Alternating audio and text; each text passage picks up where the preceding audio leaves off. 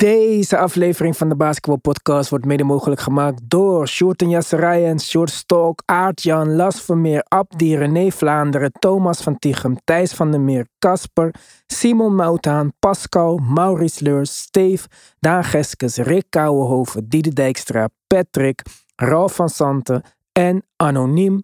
Speciale shout-out naar onze GOATs. Robert Uiltjes, Yannick Chongayong, Wesley Lenting, Robert Lute, Jan van Binsbergen, Taron en Yannick, Samet Kasic en Myron. We zijn overal te beluisteren waar je maar wilt. Van Apple Podcasts tot Spotify tot Amazon Music. We zijn op Petje Af natuurlijk. Petjeaf.com slash de basketbalpodcast. We zijn op TikTok. Daar heten we de basketbalpodcast. Op Twitter at de basketbal. En op Instagram at de basketbalpodcast. Let's go.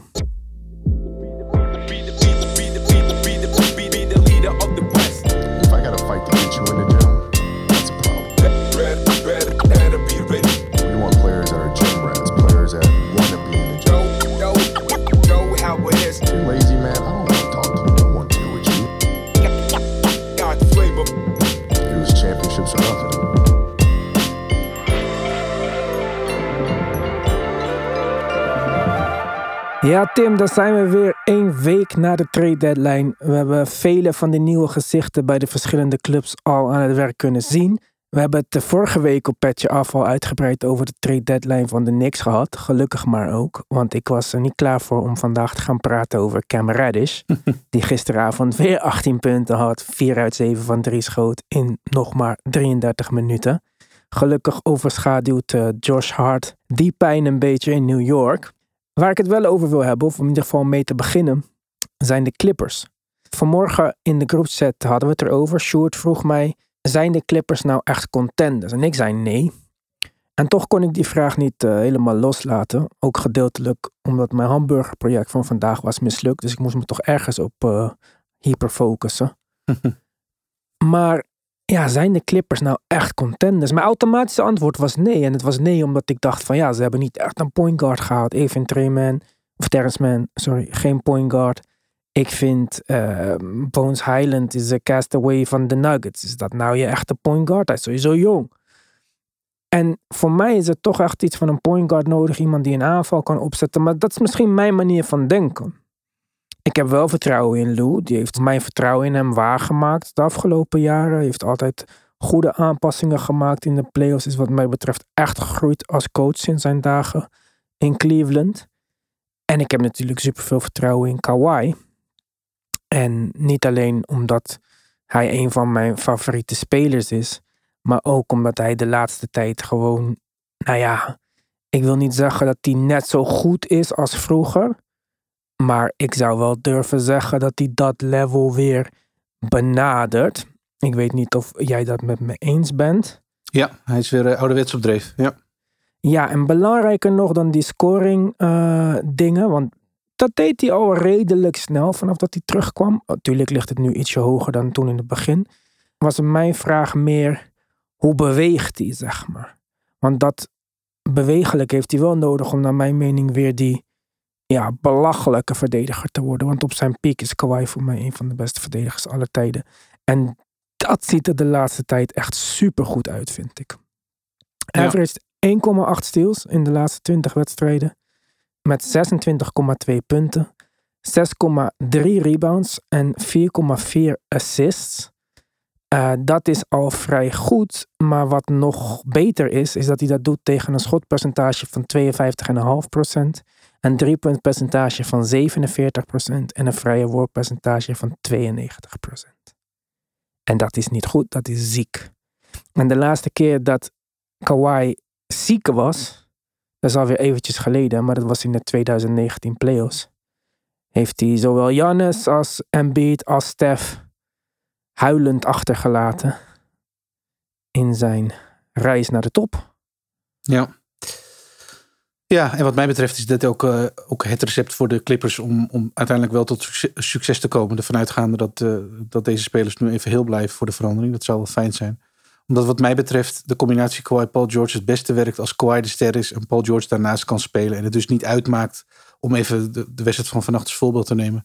Eh, dat Paul George een keer 1 op 5 vanaf, vanaf 3 is, maar verder gewoon 20 punten maakt. Dat is het liefst hoe ik Paul Paul George zou willen zien. Aan de andere kant goed verdedigend. En eh, ja, gewoon als, eh, laten we zeggen, de 1B of de tweede ster op dat team eh, fungeren. Ik denk dat de Clippers daarmee ongelooflijk sterk zijn. En ehm, ja, echt een, echt een deadly duo hebben. En ja, dat is wat mij betreft wat er voor hun echt nodig is om diep de playoffs in te komen. Want ik zou het niet verbaasd zijn. Contender, ik vind het inderdaad ook een moeilijke vraag. Maar als blijkt dat ze straks, nou ja, weet ik veel, in de tweede ronde eh, tot een seven game eh, series pushen. Ja, dan ik denk dat de meesten niet verbaasd zullen zijn. Dit is een team dat daar prima toe in staat is. En gemaakt is voor, voor een postseason run. Dus ja, vooralsnog uh, lijkt het in ieder geval op het juiste moment nu een beetje ja, vorm te krijgen daar bij de Clippers. Want uh, ja, het was een groot deel van het seizoen natuurlijk waarin, het, uh, waarin de twijfels alleen maar groter werden. En, en dat draait nu wel een beetje om. Ja, en ze hebben natuurlijk wat nieuwe gezichten toegevoegd. Maar we moeten ook niet vergeten wie ze al hadden. Norman Powell, we hebben het niet zo vaak over hem. Hij is uh, in die trade van Gary Trent ooit naar uh, de Blazers gegaan. En toen is volgens mij samen met Covington naar de Clippers gekomen. Ja. Je, je vergeet hem af en toe een beetje. Hij komt van de bank bij de Clippers ook. Maar ik denk dat hij een beetje op dit moment nummer 1 staat in de Six Man of the Year is. Hij is uh, in de conversation daar, absoluut. Ja, al, al een tijdje. Heel goed. Ja. ja. Ook weer bij hem, kijk naar de laatste 20 wedstrijden. 20 punten, 50% van de field, 46% van 3. Ja, dat is niet mis hoor. Daar hebben ze nog Eric Gordon aan toegevoegd. Ik zeg je eerlijk, ik heb Eric Gordon niet gezien de laatste twee jaar. In mijn hoofd is hij nog die Eric Gordon die hij was met James Harden. Dus ik weet niet hoe realistisch dat is. Maar ik denk dat dat de goede pieces van de bank. Gisteravond vond ik Bones Highland er goed uitzien. En Plumlee is echt een van de meest underrated pickups.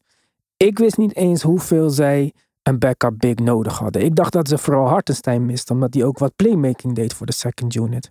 Maar als je zag wat de impact was van een Plumlee die even Zubac kwam vervangen in de wedstrijd. Ja, dat vond ik toch ook wel heel erg groot. Ja. Dus um, ja, ik ben er echt de hele dag mee bezig geweest. Ik heb veel teruggekeken. Ik weet nog steeds niet of ik snel zou zeggen dat ze een contender zijn. Maar ja, ik weet ook niet hoeveel teams ik daadwerkelijk echt contender zou noemen. Maar wat ik ze wel vind, is een heel goed team. En ik vind dat ze ook sterk verbeterd zijn. En ik vind dat ze sneaky een hele goede trade deadline hebben gehad. Ze hebben rare dingen gedaan, naar mijn mening. Twee point guards weggestuurd terwijl ze er eentje nodig hadden. Ja, hoe goed die point guards waren die ze weg hebben gestuurd, weet ik niet. Denver blijkt te geloven in een van die point guards. Ja. Dus, maar Plumlee, underrated pick-up. Eric Gordon gaan we zien.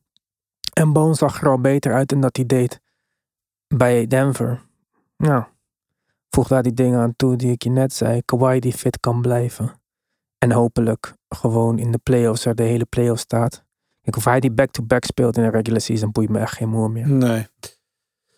Nee, dat zal hun inderdaad denk ik ook niet meer boeien. Dit is een team dat zich klaarmaakt. En inmiddels ook gewoon op een vijfde plek staat. Dus dat gaat hartstikke goed. Het gaat gewoon volgens schema. Ik denk, uh, ja, in het westen is het überhaupt lastig te voorspellen nu. Uh, het staat uh, nog steeds hartstikke dicht op elkaar daar. Dus uh, ik denk dat we in de laatste 20 wedstrijden van het seizoen grofweg, 20 plus wedstrijden, nog wel wat uh, verschuivingen kunnen zien. Dus je zou nog wat kunnen doen als je denkt, ik vind het heel belangrijk om homecourt advantage te hebben. Maar zo niet. Voor de Clippers is het wat mij betreft zaak dat ze inderdaad uh, in de playoffs terechtkomen. Nou, dat gaat allemaal volgens schema. Dus ik vind het Westen erg moeilijk te voorspellen momenteel. Ja, ik ook. En over het load management gesproken de NBA bracht een bericht naar buiten dat ze aan het kijken zijn wat ze kunnen doen met het load management probleem. Dat ze dan misschien season awards daaraan willen koppelen. Dus dat ja. een aantal. Nou, volgens mij gebeurt dat al grotendeels. Want daar je als stemmer volgens mij wel rekening mee. Maar niet alleen dat. Uh, ik heb een heel goed idee om dit load management probleem op te lossen. En dat is gewoon minder wedstrijden spelen. Dat is de ideale oplossing. Zo gaat de kwaliteit ja. naar boven. En hebben we dat load management probleem niet meer. Maar daar wil de NBA gewoon niet aan beginnen. En ik vind het echt zo hinderlijk dat ze dan allerlei andere dingen proberen die er niet toe doen. Ja. Nee, met je eens. Ja, het is een geldkwestie. Minder wedstrijden is minder inkomsten. En uh, ze zijn juist bezig om dat de andere kant op te veren. En dan is het heel ironisch dat ze nu met dit soort ideeën uh, aan de onderhandelingstafel gaan zitten. Want er wordt natuurlijk momenteel onderhandeld over die, over die nieuwe CBA. Um, omdat ja, de kritiek op dit soort voorstellen is natuurlijk altijd, ja, als je op deze manier een beetje druk gaat zetten. Want die, sommige, voor sommige spelers doen die awards er absoluut toe. Uh, ja, dan werk je ook blessures in de hand. En dit overvolle schema en de hoeveelheid wedstrijden die ze spelen in zo'n regulier seizoen is natuurlijk altijd al onderwerp van discussie geweest richting, eh, richting blessures voor, eh, voor sommige spelers. Dus ja, ben je dan de juiste kant op aan het gaan? Of zou je als NBA eh, nou eindelijk een keer moeten gaan nadenken over alternatieven waarin er simpelweg minder wedstrijden gespeeld worden? Ja. Ik weet het niet. Eh, Ja, tenminste, ik weet het wel. Maar eh, NBA eh, draait om geld, Tim. Ja, en uiteindelijk zou je, je kan ook best een argument bedenken waarin als het, eh, want we zeggen altijd, ja, minder wedstrijden betekent eh, betere kwaliteit van, van het product, als we het zo maar even mogen noemen. Denken. Dan ja, precies, dat is even de aanname, dat is dan het argument dat je gebruikt. En dan is het natuurlijk zo dat uiteindelijk, dat je hoopt dat die de betere kwaliteit ook leidt tot meer inkomsten, omdat het beter gewaardeerd wordt. Maar dat, dat, kost, dat kost tijd. Dat is een kwestie van tijd. En ja, de tijd die je moet overbruggen daarin, daar weet je in ieder geval één ding zeker. En dat is dat er minder geld in het laadje komt. Nou ja, daar beginnen ze simpelweg niet aan. Dus het is, het is, het is en blijft een, een heet hangijzer dit. Echt heel moeilijk. Ja, ja, ik ik weet niet. Ik, ik vind het een beetje. Ik vind dat de NBA op sommige opzichten gewoon een beetje te veel door geld wordt geleid. En wat je zegt, ik, ik denk dat als de kwaliteit omhoog gaat, dat het product ook meer waard wordt. En ik denk dat het gewoon nergens voor nodig is. Soms hebben we twaalf wedstrijden en zes doen er niet toe. Wat, wat kan je me daar nou mee zeggen? Wat wil je Ja. daarmee zeggen? Dat, dat die, alleen die stats, dan is dat net als eh, LeBron stats. Hoe meer, hoe beter. En niet of je in de play staat of niet.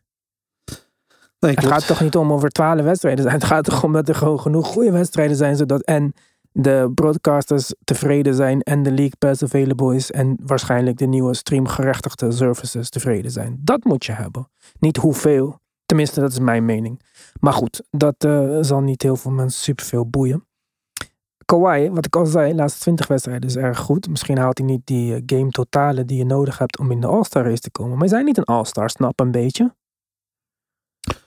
Ja, als je qua niveau en qua eh, stats kijkt, eh, dan is hij wederom een voorbeeld. We hebben er meerdere in de NBA. Waarbij het een kwestie van timing is natuurlijk. Als hij dit eh, iets eerder had gedaan op deze manier, dan had er niet eens een discussie geweest, denk ik. Dan hoort hij gewoon in de All-Star Game, wat mij betreft. Ja, die kwestie van timing dingen, we hebben het er al over gehad buiten de uitzending om. Halliburton natuurlijk een fantastische start van het seizoen en zo zijn All- All-Star plaats een beetje verworven. Klopt. Jalen Brunson had niet per se een slechte start, maar ook geen spectaculaire cijfers. Maar als je naar de laatste 30 wedstrijden kijkt en je vergelijkt zijn cijfers met die van Donovan Mitchell, iemand die je zou zeggen clear-cut all-star, een van de beste Absoluut. guards in het oosten, niet eens over Ja. nadenken, 70 punten wedstrijd, wauw. Hij wordt gezien als misschien de grootste trade dit afgelopen jaar. Je kan niet eens goed genoeg superlatieven bedenken om ja, over hem te zeggen. Maar kijk naar de cijfers. Want hè, dat, daar komen we toch altijd weer op terug als we over NBA basketbal praten op de een of andere manier. Eh, Donovan Mitchell, 26,1 punten per wedstrijd. Jalen Brunson 26,7. Donovan Mitchell 4,8 assists per wedstrijd. Jalen Brunson 6,2. Donovan Mitchell 4,1 rebounds per game. Jalen Brunson 3,6. Donovan Mitchell 48% field goal percentage. Jalen Brunson 49%. En over die Ja. 20 wedstrijden hebben de Knicks een beter record. Dus waarom de fuck is Jalen Brunson geen All-Star? Ja, Ja, dit, is, dit is het voorbeeld van, eh, van de timing. Omdat eh, bij die tijd eh, de Alstars al min of meer bekend waren. En had hij dit, laten we zeggen, als hij dit uit eh, right out of the gates had gedaan in het seizoen. nou, dan hadden we net zo goed zoals we over Mitchell geen enkele discussie hebben gehad. Eh, voor wat betreft het uiteindelijk überhaupt halen van de All-Star Game. Zouden we dat over Brunson ook niet hebben gehad met dit soort cijfers. Dit zijn gewoon All-Star waardige cijfers, heel simpel. Ja, duidelijk All-Star waardige cijfers. Nog iemand met de All-Star waardige cijfers. Of tenminste, All-Star niet echt, maar wel three-point contest waardige cijfers. De beste three-point shooter in de NBA, Utah Watanabe. Ja. 48% van drie. Niet uitgenodigd voor de three-point contest. Terwijl met alle respect, ik weet hij is jouw guy. Wat de fuck doet Tyrese Halliburton daar? Ja, ik, ik heb nog een paar namen voor je die er eigenlijk ook eh, in hadden moeten zitten. Eh, dus wat dat betreft, eh, toen het lijstje naar buiten kwam, tenminste, ik heb in eerste instantie het lijstje toen het nog rumored was voorbij zien komen. Toen dacht ik, oh, best wel leuk eigenlijk. En dan laat je dat wat bezinken en dan zie je wat posts voorbij komen van three-point shooters zoals KCP, zoals Isaiah Joe bij de Thunder, die schiet echt lights out. Dat zijn ook twee jongens die eh, niet zijn uitgenodigd. En die, eh, nou, wat mij betreft noemden wij net de top drie drie-point shooters in de NBA op. Dus d- er zijn er wel meer waarvan ik denk, ja, die hadden er eigenlijk wel bij moeten zitten daar. is wel jammer. Ja, en dat is gek dus eigenlijk, hè? Want bij, Ja. de, bij de dunk contest heb je nul namen. En die zouden dan allemaal wel even goed, eh, heel erg eh, goed moeten zijn, zeg maar, in springen. Ja. Met McClung en zo. Ehm, ja, maar nul echt gewoon G-League spelers, kom op, hé. En bij de three-point contest nodig je dus niet beste shooters uit, uit Uh. maar nodig je namen uit. Ja. Ja, het is, een twijfelachtige keuze. Ik vind het, ik vind het jammer. Een aantal eh, die, er, eh, die ertussen staan is verder prima. Maar er ontbreken wat mij betreft ook een, een hele hoop shooters. En inderdaad, het argument van laten we namen uitnodigen, die gaat echt niet op. Want bij de Slam Dunk Contest, eh, eh, ik vind het leuke spelers, dat, eh, dat weten we. Maar eh, het, zijn echt geen namen. Dus eh, hadden wat dat betreft, ook bij de three-point contest, wat mij betreft, gewoon moeten gaan voor eh, eh, simpelweg kwaliteit. En bij drie punten schieten kun je dat heel simpel afmeten uit hoe de rest van het seizoen is gegaan voor de betreffende spelers. En wat, mij betreft hoor je dan gewoon de beste shooters van dit seizoen uit te nodigen. Dan krijg je wat mij betreft de leukste wedstrijd. Dus eh, het is wel jammer dat er een paar niet bij zijn. Maar dat is altijd zo geweest, wat, ik- wat, eh, wat ik me kan herinneren. Eh, ja, omdat. En voor een deel kan ik er ook nog wel bij inkomen. Je, wil, je wil misschien een, een, een, een, ja, Lillard, ik weet niet eens wat zijn stats zijn, er, eh, er wel bij hebben. Um, Lillard en Simon samen is ook allemaal nog niet zo verkeerd. Er staan er een Tyler Hero. Er staan er een paar tussen waarvan je zegt, Buddy Hield uiteraard, maar dat is dan weer geen naam. Eh, waarvan je zegt, dat vind, ik, dat vind ik prima dat ze erbij staan. Maar wat mij betreft vind ik het altijd leuk als de rest van het veld dus eh, wordt gecompleteerd door de echte schutters van dat seizoen. Ja, vind En ik dat zijn bijvoorbeeld de drie namen die we net opnoemden. Dus ja, ik ben het met je eens. Wat mij betreft had zeker een van die namen in plaats van Halliburton genoemd. Hoe- Hoeveel het ook eh, mijn speler is. Ja, en kijk, zo'n zo'n Lillard mag er van mij altijd bij. Hij is gewoon een bewezen three-point shooter. En ja, hij is een hele grote naam. Dat hij bereid is om op zo'n dag op te komen draven, dat, dat vind ik prima. Maar Halliburton is en niet die naam. En niet echt een hele supergoede three-point shooter. Zijn schot is ook volgens mij niet echt snel genoeg, toch? Eh, nee, nou, het zal, het zal je verbazen. Het is wel een beetje een raar schot. Hij kan hem, hij kan hem vrij, snel, eh, eh, vrij snel releasen. Maar ik ben, ik ben het met je eens. Ik bedoel, dat, dit, is, dit is duidelijk. Wat mij betreft moet je de, is het beste als je het veld inderdaad ehm, eh, combineert met de namen. Nou, zoals je net al noemde, met een aantal ja, gewoon hele goede schutters. En, en ja, daar hebben ze denk ik net een paar, eh, paar planken gemist dit jaar. Ja, denk ik ook. Nog een plank die gemist is, vind ik. Is een van de scheidsrechters van de aankomende dunk contest. Is Carl Malone. Ja, kijk, met, ik, ik weet niet hoe dit nog kan. In deze woke era waar we gecanceld worden om van alles en nog wat. Ik mag al, weet ik veel hoeveel jaar niet meer naar R. Kelly luisteren. Maar de judge van een dunk contest kan wel iemand zijn die een meisje van 13 heeft zwanger gemaakt. Hoe, Ja. hoe de fuck kan dit? Waarom is Ja. deze man nog niet gecanceld? Kan iemand mij dit uitleggen? Er is niet eens van, oh, heeft hij het wel of niet gedaan? Of we hebben een tape. Nee, we hebben een kind. Ja. Dit is toch Ja, fucking eh, belachelijk dat deze man mee blijft doen aan festiviteiten in de NBA. Wat, wat ben je dan voor een nep ding? Misbruikers, die, eh, dat is geen probleem. Ik kan, het, eh, ik kan het je in ieder geval niet uitleggen. Ik snap natuurlijk wel dat, dat, hij, mag, dat hij mag opdraven omdat het in Salt Lake City is. Prima. Maar dat hij mag opdraven, dat eh, is ook niet mijn keuze. Dus, eh, en helemaal bij de dunk contest. Ik, ik, soms zit zie ik te namen tussen staan waarvan ik altijd denk... Ja, je hebt er niks te zoeken. Dat- dit, wat, waar- waarom zou hij iets moeten vinden over een dunk? Het is, eh, Ja, ik hoor net zo goed Byron Russell of zo, hoe heet die guy? ja, Byron Russell. Ja, Ja, die gewoon nog beter dunken dan hem. ja. Carmelo dunkt te hard, maar verder, eh, verder ook helemaal niks hoor. Ja, ik, vind, ik vond het echt belachelijk wat ik je zei. Ik mag niet eens meer fucking naar I Believe I Can Fly luisteren. Maar ik moet wel naar zijn hoofd kijken elke dag. Hm, Dat vind ik heel irritant. Van mij had dat ook niet gehoeven. Goed, dat was dan eh, bijna genoeg All-Star dingen. Je zou denken, All-Star boeit Ivan niet zo. Waarom gaat hier de halve uitzending over? Maar eh, LeBron James, twee wedstrijden afwezig al. Questionable voor, eh, tegen New Orleans. Ik uh, gok zo dat hij niet speelt. Ik gok dat hij de All-Star Game wel speelt. Want daar valt ook natuurlijk een record te halen. Zoveel achter elkaar gestart. Zoveel achter elkaar deelgenomen. Whatever het record is. Hij wil het hebben natuurlijk. Hoe groot denk jij is de kans dat we LeBron niet meer terugzien na de All-Star Game? Die kans is aannemelijk geworden inmiddels. Als je ziet hoe de berichtgeving de afgelopen dagen is geweest. Welke ehm, berichtgeving? Ze weten niet eens meer wat ze moeten zeggen. Is het zijn voet? Is het zijn enkel? Hij heeft unbearable pain. Ja, dus je ziet dat er een beetje volgesorteerd wordt op... Uh, oh, dit, dit kan wel eens langer gaan duren dan een paar wedstrijden. Of dan, dit is iets van het seizoen. Oké, ja, dan ben je een beetje aan het, aan masseren richting uh, een mededeling binnenkort. Die, die stelt, uh, LeBron is out for the season. Omdat er nog maar twintig wedstrijden zijn te spelen. En er valt niks meer. Of er valt te weinig te halen. Ja, Leflater is het. Jeetje mina.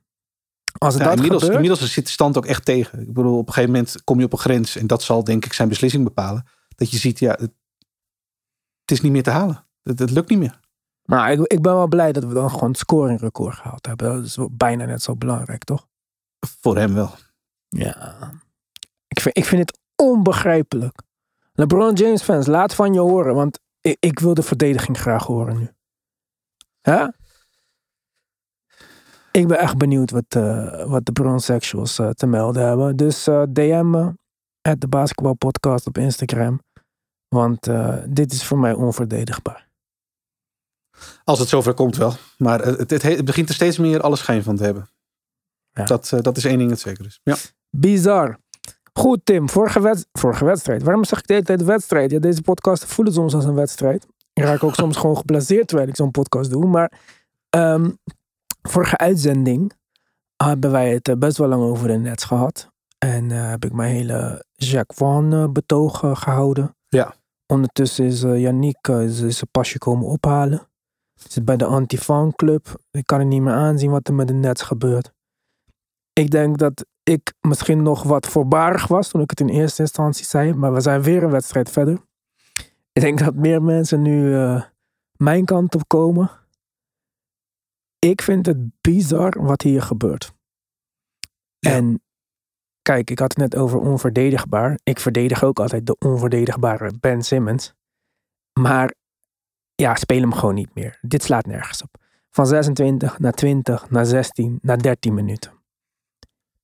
In de vorige wedstrijd tegen de Knicks. Ik heb de Knicks elke wedstrijd gezien dit jaar. Dit was de makkelijke wedstrijd, makkelijkste wedstrijd die ze hebben gehad. Ik denk niet dat zij een wedstrijd hebben gewonnen waar Randall maar 18 punten heeft gescoord. Het was de eerste keer in de afgelopen drie jaar dat ik naar de Knicks kijk, dat Tom Thibodeau er goed uitzag. Hij leek gewoon een oké coach. Ja. Ten opzichte van Van. En dan als je denkt van een klein beetje gewoon zelfreflectie of bescheidenheid of gewoon... Kijk, die Silas bijvoorbeeld, die moet al twee jaar verdedigen waarom het super kut gaat. Maar die geeft vet vaak zichzelf de schuld en... Die Jack Van, hij blijft maar lachen. Ik bedoel, heel veel mensen vinden dat heel leuk dat hij zo super vriendelijk is en uh, super gezellig in de persconferenties en zo. Ik vind het helemaal niet grappig. Je verliest fucking kansloos. Het was jouw schuld, ook al ik weet niet waarom we nog steeds niet met z'n allen tegen hem gekeerd zijn. Ik wil dat alle media ook eh, tegen hem keren, maar zo zie je maar weer dat de meeste media helemaal niet kijken naar wat er aan de hand is. Deze beste man zegt gewoon in zijn persconferentie, toen hem werd gevraagd van wat ga je doen met Ben Simmons. Ja, hoezo? Uh, hij speelt 13 minuten. Claxton speelde ook minder dan zijn aantal minuten. Het is een beetje een match-up ding. We zochten buddies om naar Bronson te gooien. Oh ja? Naar de point guard die 36 punten had in het derde kwart? Nou, zou het dan niet, zeg maar, handig zijn als je op je roster iemand had die heel goed point guards kon verdedigen. Misschien, misschien iemand die All-NBA was of All-Defense in point guards verdedigen. Maar die heeft hij geen één minuut tegen Branson gespeeld. Wat een fucking dwaas. En dan gaat hij nog verder, alsof we, ik weet niet hoe vaak we dit nog gaan doen, dat we over Ben Simmons gaan praten in de, in de media en denken dat dit effect positief is. Zoals ik al vorige keer zei, de hele ding bij de Sixers was er om begonnen dat, uh, hoe heet die kutcoach? Uh, Doc, Doc Rivers? Ja, dat Doc Rivers zich uitsprak in de media over Ben Simmons. Goed, dat heeft zijn gevoelens gekwetst. Nogmaals, Kan je van vinden wat je wil. Ik zeg ook niet dat dat genoeg reden is om gewoon een heel seizoen niet te spelen. Als dat de enige reden was. We weten niet echt wat er aan de hand was. Maar deze beste man voor de tweede week op rij zegt weer. Zet je een grote man naast Ben, dan moet je uitzoeken hoe de spacing om hem heen moet. Als je een playmaker naast hem zet, dan moet je uitzoeken wat Ben doet zonder basketbal in zijn handen. En ga je klein, dan moet je uitzoeken of je genoeg kunt rebounden met hem. Precies, dat moet jij uitzoeken. Dat is jouw baan. Tering, hé. Ja. Hij speelde weer Dinwiddie ten koste van alles. Dat is zijn man. En uh, dat kostte hem deze keer de wedstrijd. Wat maakt het uit of Dinwiddie 7 van 20 gaat, joh? Wat maakt het uit of Jalen Brunson iedereen torch daar bij de net? Ja, ik kan er ook. Ik kan, ik, van dat voorbeeld kan ik ook weinig anders maken, inderdaad. Dit, uh, ik, ik, ik zie en zag nog steeds wel een, uh, een leuk team wat verder het seizoen uitspeelt. Maar uh, ja, als je op deze manier zo lantevanterend in de ronde coacht en denkt dat het nou ja, gezellig uitspelen van het seizoen is. Met een aantal uh, speler, jonge spelers op het team. En we zien het allemaal wel. En Ben Simmons hoort daar, wat er ook gebeurt, in ieder geval niet bij. Kijk, voor een deel, als je afgaat op vertrouwen waarmee Simmons speelt, valt dat nog wel, nog wel te begrijpen. Maar het is natuurlijk inderdaad net zo goed als coach aan jou de taak om te zorgen dat hij zich één zo goed mogelijk voelt. En twee, dat je ja, enigszins je best doet om een speler van zijn, zijn statuur die je op de bank hebt zitten ja, iets van waarde te kunnen laten zijn. Want die waarde heeft hij natuurlijk wel. Ik denk dat zijn verdedigende waarden ook door niemand betwist worden. Ik denk dat dat wel een duidelijk verhaal is. Maar als hij aanvallend volgens sommigen onbespeelbaar is, ja, dan is dit uiteindelijk waar het, waar het toe leidt als je een coach hebt die, die daar verder helemaal geen vertrouwen in heeft. Um, en ja, ik, ik, ik ben vooral heel benieuwd. Ik, ga, ik wil er geen conclusies aan verbinden. Maar ik ben vooral heel benieuwd hoe de net eh, front office dit ziet en wat hun beslissing wordt richting volgend jaar, zeg maar. Want uh, ja, ze moeten op een gegeven moment natuurlijk wel iets gaan beslissen over, over Jacques Vaughan. En ja, met dit soort voorbeelden, zoals je net zelf aanhaalt. Ja, ik kan hier niks aan afdingen. Het was waar, het klopt. En, en ja, inderdaad, Dinwiddie is zijn man. Die speelt 30 plus minuten. Dinwiddie kan, kan leuk en kan goed spelen. En scoorde nu 28 punten. Maar inderdaad, schoot 8 op 21. En de rest van het team deed eigenlijk om hem heen veel te weinig. Waarschijnlijk omdat Dinwiddie zichzelf heel erg belangrijk vindt bij de Nets. En ja, dat is niet. Dat is natuurlijk niet de manier waarop je vooruit wil met dit team. Uh, is ook niet de manier waarop je Michael Bridges wil laten shinen en Cam Johnson om te zien wat, uh, wat je daaruit kan halen. Dus uh, nee, ik ben het met je eens. Ik denk dat dit. ja, dit kan beter vanuit, vanuit zijn kant. Ik zie daar geen verandering in komen dit seizoen. Dus dat is jammer. Maar ik ben wel benieuwd wat dat betekent voor zijn plek komende zomer. Ja, je zei net uh, Dinwiddie. Nou, ik denk dat die uh, te lang met Luca heeft gespeeld of zo. Die dacht, uh, hey, leuk geweest dit. Dit ga ik eventjes een half seizoen doen. doen ja. Ja, tering. Maar kijk, als je het hebt over vertrouwen geven aan een speler. En als je zegt dat hij aanvallend onspeelbaar is en zo. Waar ik ook mijn twijfels aan heb. Want zoals ik al vaker heb gezegd. geef hem de bal in zijn handen. Ik zeg niet dat hij dat op dit moment heeft verdiend. Of dat iedereen die kans zou moeten geven. Maar als je hem wil laten shinen. Is dit voor mij de een, enige mogelijke ding is door hem de bal in zijn handen te geven, dan zou je in de ideale situatie daar een hoop 3 d wings omheen zetten. Nou, die hebben ze ook nog eens een keertje. Lijkt Meer dan genoeg. Ja, lijkt me tenminste het uitproberen waard. Maar zelfs als je daar geen vertrouwen in hebt of dat niet ziet zitten, toch? Dan zou ik zeggen van oké, ja, ik wil hem een klein beetje vertrouwen geven. Hoe geef je iemand vertrouwen? Geef hem een makkelijke opdracht. Waar is hij het beste in verdedigen? In welke positie, in welke positie kan hij het beste verdedigen? Geen bigs, toch? Ik, ik weet niet hoe vaak we dit nog moeten zien. Ik, ik snap het echt oprecht niet. Ik hoor dit niet eerder te kunnen zien dan een coachingstaf. Maar goed, dus laat hem dan gewoon net als Mathies Tijbel bij de Sixers spelen. En zet hem gewoon in en zeg dat is jouw man, die gaat niet meer scoren nu.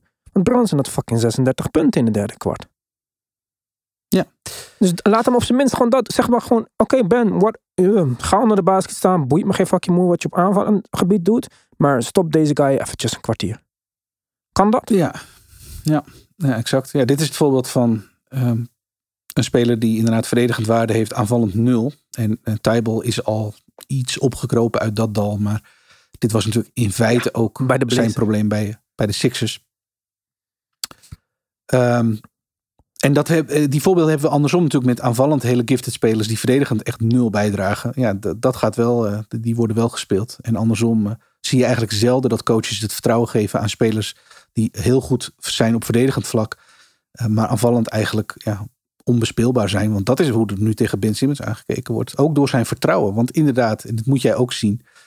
eh, dit is wel een speler die eh, met vertrouwen spelen is een groot onderdeel van zijn, van zijn positie, van wie hij is. Dat is dan, dan komt hij in zijn kracht.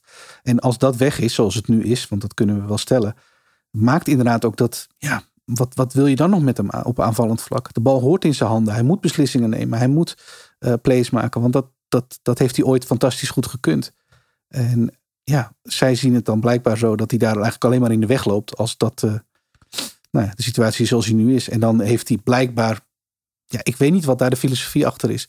Maar is het blijkbaar dus niet zo dat je nog voldoende verdedigende impact hebt om, eh, om dan toch een coach te laten beslissen om je bijvoorbeeld inderdaad op de beste speler van het andere team te zetten die op dat moment eh, helemaal aan het wegspelen was. Dus met je eens. Ik, ik snap niet waarom het in ieder geval in stretches niet de moeite waard is om Simmons dan als de verdediger alsnog even in te brengen. Ja. Ja, hoe heet ook weer die guy die bij de Grizzlies speelde? Die supergoeie verdediger.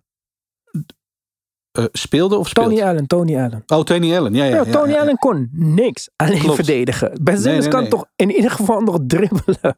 Ja, in die era hadden we inderdaad een aantal van dat soort hele goede verdedigende. Ja, klopt. Ja, die had je bijna nodig zelfs wel. Ja. Ja. maar dus kijk, ik snap dat het een andere era is. En, maar nee, dit, het is een zelfvertrouwen ding gedeeltelijk, denk ik sowieso. Ik weet niet wie mijn laatste film stuurde. Volgens mij Caspian. Highlights van Ben Simmons van een paar jaar geleden. Nou, het is dat hij er hetzelfde uitziet. Anders zou je gewoon denken dat het twee andere mensen waren. Wat ja, je deed, het niet meer. Klopt. Ja, Dit, dit is echt bizar. Ik, ik wist niet eens dat het verschil zo groot was. Kijk, er zijn andere dingen als dat hij bijvoorbeeld naar de basket gaat en dan onder de basket vandaan past naar buiten. Ja, kijk, dat heeft hij altijd gedaan. En daarom was hij ooit leader in eh three-pointers assisted. Omdat hij naar binnen gaat en naar buiten paast. Ja, als er Dat nu die schoten niet in. Ja, en als er nu de schoten die, er, die niet vallen. En dan gaan de commentatoren of de media gelijk zeggen van kijk, hij durft niet naar de ring te gaan, want anders krijgt hij, is hij bang dat hij vrije worpen moet gaan nemen. Ja, maar dat, dat, dit was zijn game altijd. Dat was het niet. Het is gewoon Nee, veel klopt. meer dan dat. En deze Jack Van doet precies het omgekeerde van het playbook. Van alles wat je weet hoe je met hem om moet gaan. En nogmaals, misschien, ehm, ja, misschien zou het niet zo moeten zijn dat je met elke individuele speler specifiek rekening moet houden. Maar dit is wel je duurste speler op je roster. Ja, dat is een argument. Klopt. En, en over die, ehm, die passing vanuit onder de baas. Ik vind dat echt een non-onderwerp. Echt waar. En iedere media die daarop in, eh, op inhaakt en dat highlight als kijk, hij geeft weer een lay-up op hem. Dit gebeurt bijna in elke wedstrijd, meermaals. Dit is wat, wat de drive het hedendaags... Ja, dit, dit, dit, Ja. is- dit- moeten we niks aan Simmons ophangen. Dit, is, dit slaat nergens op. Iedereen doet dit nu. Dat is gewoon een narrative kiezen en dan bewijsmateriaal erbij zoeken. In plaats van kijken Ja. naar de situatie en erover praten. Maar dat gebeurt Drijven naar de basket en rond de basket passen naar iemand die wide open eh, op de driepuntlijn staat. Dat gebeurt nogmaals. Dit is een orde van de dag. Dus dit is niks nieuws en dit heeft niks met Simmons te maken. Als Simmons het doet, is het alleen maar goed. Prima. Iedereen zou dat moeten doen. In deze era van het basketbal. Want dat gebeurt. Er worden Ja. opgegeven voor driepunters. En wat ik zei, hij was leader in three points assisted. Dat compenseerde Ja. juist voor hem niet drie punten schieten. Hij was Ja. nooit een scorende speler. Hij was 18 punten per wedstrijd of zo zijn top. Klopt. En wat mij betreft zijn de goede point guards. eh, ik bedoel, we kunnen de voorbeelden er makkelijk bij verzinnen. Dat zijn point guards die inderdaad zo ergens tussen de 16 tot 20 punten per wedstrijd scoren. Maar eh, met crazy, eh, crazy aantallen assists. En, eh, en altijd bezig zijn met playmaken. Dus eh, dat is hoe ik een point guard. En dat is misschien mijn ouderwetse opvatting. Maar dat is wel hoe ik point guards het liefst zie. Nou, het is niet jouw ouderwetse opvatting. Dat is de opvatting waarmee je kampioenschappen wint. Want Wat er is nog nooit een point guard Ja. geweest zoals Damian Lillard... die elke wedstrijd 40 punten scoort, maar niet kan passen en niet kan verdedigen... die een kampioenschap heeft gewonnen. Ofwel, ik wacht wel. Ja, eh, eerlijk gezegd zie ik dat ook zo. Ja, Dus kijk, nogmaals. Ik zeg niet van, oh, Ben Simmons is fucking goed. Het is bizar dat hij niet speelt eh, omdat hij zo goed is. Maar hoe Van dit oplost, is, eh, ja... Ik denk, ik denk dan echt dat, had je, dan had je nog beter Thibodeau als coach kunnen hebben. Want die zou dan in ieder geval denken, oké, deze guy verdedigt. Nou ja, maar eh, Thibodeau heeft ook zijn voorbeelden van spelers die die om welke onverklaarbare rare redenen niet speelt. Cam Reddish. Eh, ik ben precies. eh, Obi. ja, Ehm, Ja, Cam Reddish helemaal niet. Oké, dat is een beter voorbeeld. nou, maar, Obi ook niet hoor. Die speelt nu 15 minuten of zo. Ja. Maar eh, ik geef alleen maar aan dat, dat, dat de- die coaches nemen een beslissing en komen daar eh, waarschijnlijk om hun eigen pride eh, heen nooit meer op terug. En dat vind ik altijd het vervelende inderdaad. Ik ga hier niet lopen te roepen dat Ben Simmons kansen moet krijgen. Want ik snap wel waar dat een beetje vandaan komt. En ik vind hem inderdaad zonder dit vertrouwen aanvallend vrijwel onbespeelbaar. Dus ik snap, ik, wat ik wel met je eens ben is dat als hij zijn minuten krijgt. Want hij krijgt ze. Het zijn er heel weinig. Maar hij krijgt ze. Speel hem dan in ieder geval op de juiste manier. Dat ben ik 100, 100% met je eens. En dat is wat mij betreft ook het enige pad waarop hij weer een beetje gevoel kan krijgen in zijn eigen game. Want als je nu ziet wat hij moet doen op het veld. Dan weet je natuurlijk ook als basketbal leek wel dat dit nooit gaat zorgen dat Ben Simmons Ja. weer een beetje in zijn eigen ritme komt. Want dit, Ja, maar- dit slaat nergens op. Als ik Steph Curry moet coachen, zeg ik toch ook niet van eh, jij hebt de beste man op de, van de tegenstander. Exact. Kom op, Dus kijk naar gewoon- mensen. het ja, mismanagement. Maar goed. Maar fuck Ben Simmons. ehm, we hadden het net over spelers die niet aan spelen toe kwamen bij tips. Cam Reddish eh, gaat even helemaal los. Eh, zoals ik al zei, eh, 18 punten. In, ehm, ja, super efficiënt. Mathies Tijbel al die eerste wedstrijd, ook voor de Blazers, kwam natuurlijk van Philly. Had eh 4 uit 6 drie punten. Nou, dat heb ik nog nooit in mijn leven van Mathies Tijbel gezien. Plus zijn lockdown die, die we wel van hem gewend zijn. Drie blocks, een steal. Eh, niet alleen zij, ook een andere speler waar ik helemaal niet van had gedacht dat dat echt een trade was die tot speeltijd zou leiden. Ik dacht dat dat, ja, ik dacht eerlijk gezegd dat dat een beetje meer voor de vorm was of een aflopend contract. Ik heb dat ook in deze podcast gezegd. En eh, dat is Josh Richardson. Ja, Dat had ik, heb ik ook gezien. even. Ja, dat had ik niet zien aankomen. Dat die A 34 minuten kreeg. En B zo goed ging spelen. Vijf steals. Ja. Wel 0 uit 4 van drie puntland. Ja, oké. Ja maar dit is, dit is, dit is inderdaad. eh, dit is wat, ja, je hoopt dat hij iets, iets beter dan dat schiet. Maar verder is het natuurlijk een, een speler die voornamelijk eh, bezig is met goed verdedigen. En ja, als hij her en der een, een driepuntje eruit schiet, is het mooi meegenomen. Eh, nee, ik klopt. Het viel mij ook op. Het zag, ik, ik was vooral verbaasd over zijn minuten. Ja, dat allereerst. Kijk, dat hij ergens Ja, zou toch? spelen, dat snap ik wel. Ja, ja, maar dat hij gewoon meteen 30 plus minuten op het veld staat. Ja, dat betekent wel. ik vind het wel interessant. Dit zijn die under the radar signings. Waarvan je als je ze op het veld ziet staan. Dat je denkt, oh, dit is, ja, dit makes sense. Dit is, dit is wel een goede aanvulling op dit team. En dat denk ik met hem ook wel hoor.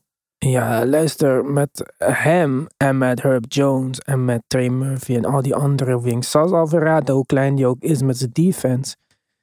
Het is een gevaarlijke addition voor de, voor de Pels als hij dat kan toevoegen. Want zij bereiden zich ook voor een playoff basketbal. En Ja. als Zion fit is, dan kun je ze niet uitschakelen in de playoffs. Of tenminste, je kunt ze uitschakelen in de playoffs. Ze gaan niet automatisch alles winnen. Maar dan zijn ze niet ja, makkelijk aan de kant te schuiven. Ik denk zelfs eh, in deze opzet al niet. En dat vind ik misschien wel eh, al het meest indrukwekkend. Als Brandon Ingram nu, want dat vond ik eh, toen ik ze zag de voornaamste opvallende, het opvallende gegeven. Even los van, van George Richardson natuurlijk. Ik zag Brandon Ingram weer agressief, weer schoten maken, weer ja, tough contested jumpers. En 34 punten. Ik dacht, oh, oké, kijk. Als Brandon Ingram weer een beetje eh, gaat spelen zoals je van hem hoopt. En laten we hopen dat hij ook gewoon, gewoon nog gezond kan blijven tot aan de postseason. Dan hebben ze in ieder geval hun ster bij de Pels. En als ze daar eh, die jonge jongens eh, met die verdedigende capaciteiten omheen weten te, te houden. dan ga ik hier niet roepen dat de Pelicans opeens waves gaan maken in de playoffs. Maar dan denk ik wel dat dit in ieder geval een leuk playoff basketbalteam zal zijn. Want ik weet op dit moment niet wat ik van Zion kan verwachten wanneer die terugkomt. Hoe die eruit ziet bij de playoffs, hoe dat gaat. Ik hoop het beste. En als dat gebeurt, dan wil ik niet eens kunnen voorspellen wat de Pels gaan doen. Maar eh, nog even los daarvan.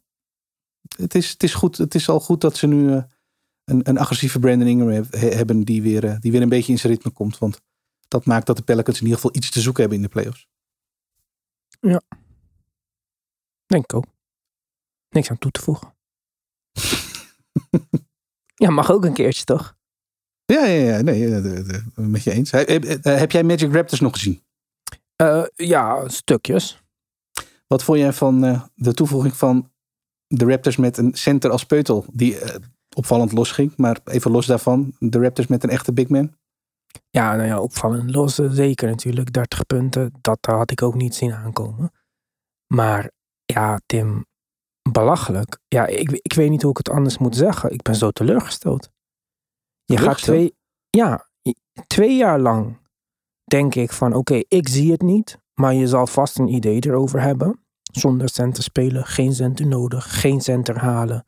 Ook niet een, niet een, noem eens iemand, eh, Bamba of zo. Niemand heb je nodig, want dat is niet hoe wij spelen. Oké, dan geef je een soort van op. Je haalt toch die center, die je al had, ook nog eens een keertje. Niet eens een spectaculaire aanvallende center, want dit hadden we natuurlijk niet van hem verwacht. Nee. En dan werkt het opeens allemaal een stuk veel beter. Dus eigenlijk dus had je twee jaar lang, twee jaar eerder al, volgens elk normaal denkend mens, een center kunnen halen. En waar was je dan nu geweest? Geweest. Ja. ja. ja. Dat, dat was mijn grootste takeaway dat ik dacht van, huh? Gebruik hem dan niet of zo, weet je wel? Laat me nog een beetje tegenstribbeling zien. Het was zelfs alsof Nick Nurse zat te wachten op deze move. ja. Dus hoe kan je dan gewoon dat twee jaar lang niet doen? Ja, dat, ik, ik, ik snap dat echt helemaal niet. Nee, dat is wel goed. Ja, dat klopt. Dat zou En je kijk- inderdaad wel af moeten vragen als je dit zo zegt. Ja. Ja, en iedereen wou Peutel toch. Hij was een gewilde speler rond de trade deadline. Ja. En ik, ik vond hem niet eens de beste fit bij de Raptors. Omdat ik dacht, ja, ze hebben al zo weinig shooting. Gaan we nog zo'n limited offensive center daarbij eh, zetten, weet je wel? Dan had ik nog meer misschien een Miles Turner-achtige speler gedacht. Van oké, ja, weet toch denkend in hun creativiteit. Ja. En wat doen ze? Ze halen de meest standaard old school center. En ze spelen het meest standaard old school basketbal. Wat ze hebben gespeeld in dit afgelopen seizoen. En het is het beste basketbal wat ze hebben gespeeld. Ja. Ja. Nou, let's go. Masai, goed gedaan.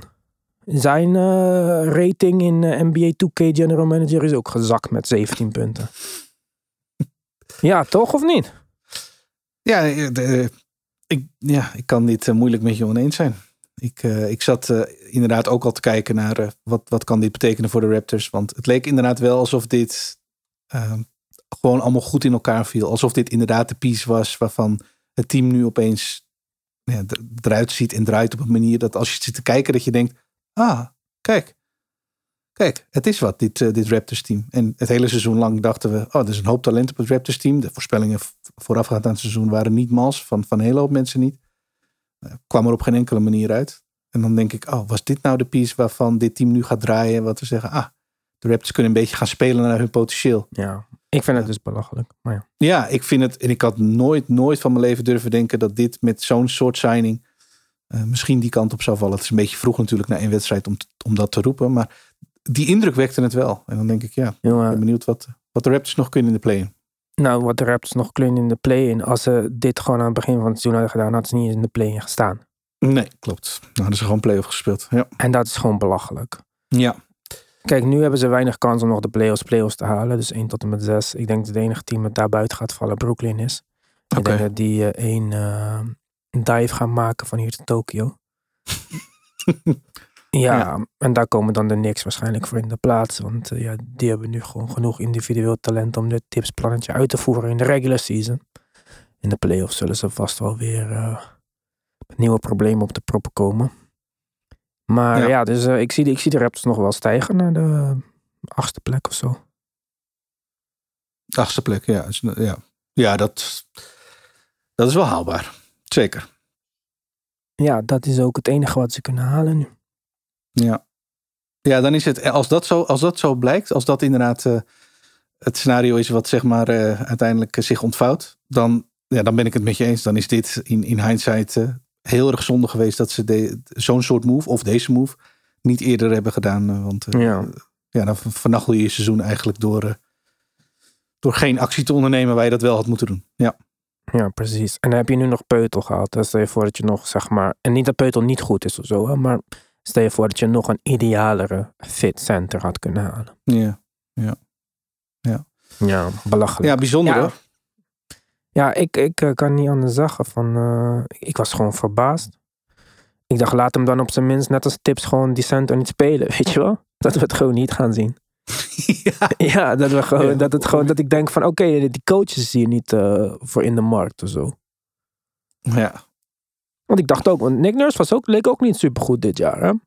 Nee, Ik dacht ook, misschien is dat ook een beetje over of zo. Of misschien was het dat ook eigenlijk een assistant coach of zo, weet je wel. Dat, dat zien we ook wel eens vaker. Ja. Maar ja, ja als hij de spelers niet hebt.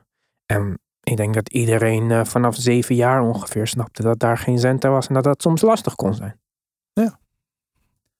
Ja, met je eens. Ja. Oh, opvallend dit. Ik ben heel benieuwd hoe dit uh, naar de All-Star break verder gaat. Want opvallende, opvallende move.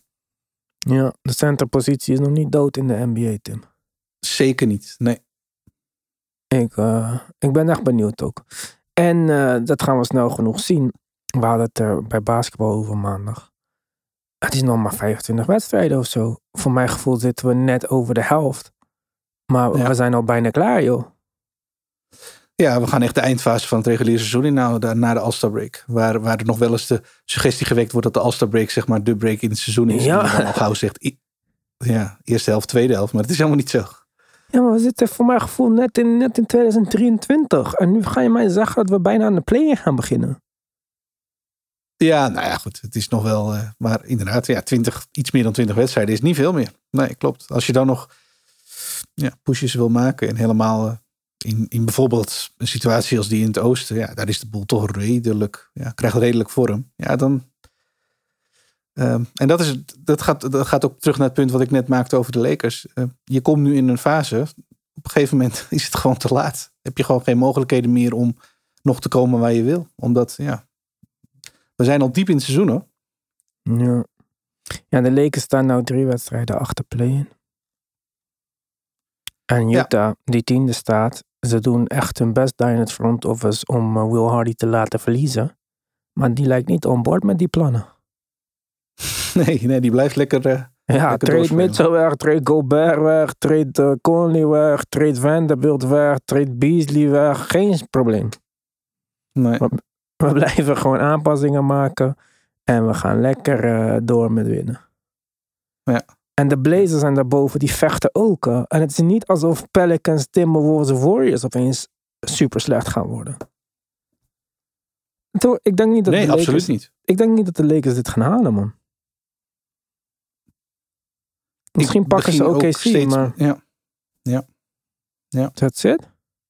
Ja. Ik, ik begin er steeds meer rekening mee te houden, inderdaad. Ik had het idee dat, uh, dat ze in, laten we zeggen, vooral deze fase van het seizoen her en der nog wel wins zouden kunnen gaan pakken. Die ze in ieder geval in staat stelt om nog ja, een soort van grip te houden op de situatie. Maar ik krijg het idee dat dat steeds meer los en losgelaten wordt. Uh, niet vrijwillig, dat is duidelijk. Maar ja, inderdaad, je zegt het zelf. Er zijn teams boven ze die de Blazers spelen niet om te verliezen. En je kan zeggen dat ze goed of niet goed zijn. Maar um, dat hebben we gezien tegen de Lakers. En um, die, gaan, die gaan nergens heen. Nou ja, de Jazz is, is spreekt voor zich. De Thunder spelen, spelen vrij basketbal. En uh, uh, zijn gewoon geen slecht team, duidelijk. Timberwolves en Warriors, ja, daar hoeven we niet eens over te praten. Dat, uh, dat zijn teams die zijn in up. ieder geval... Ja, als, ze, als we richting verder dit seizoen gaan worden... zijn in ieder geval beter en niet slechter. Dat, dat, is wel, dat zijn wel de signalen die, die je kan zien daar.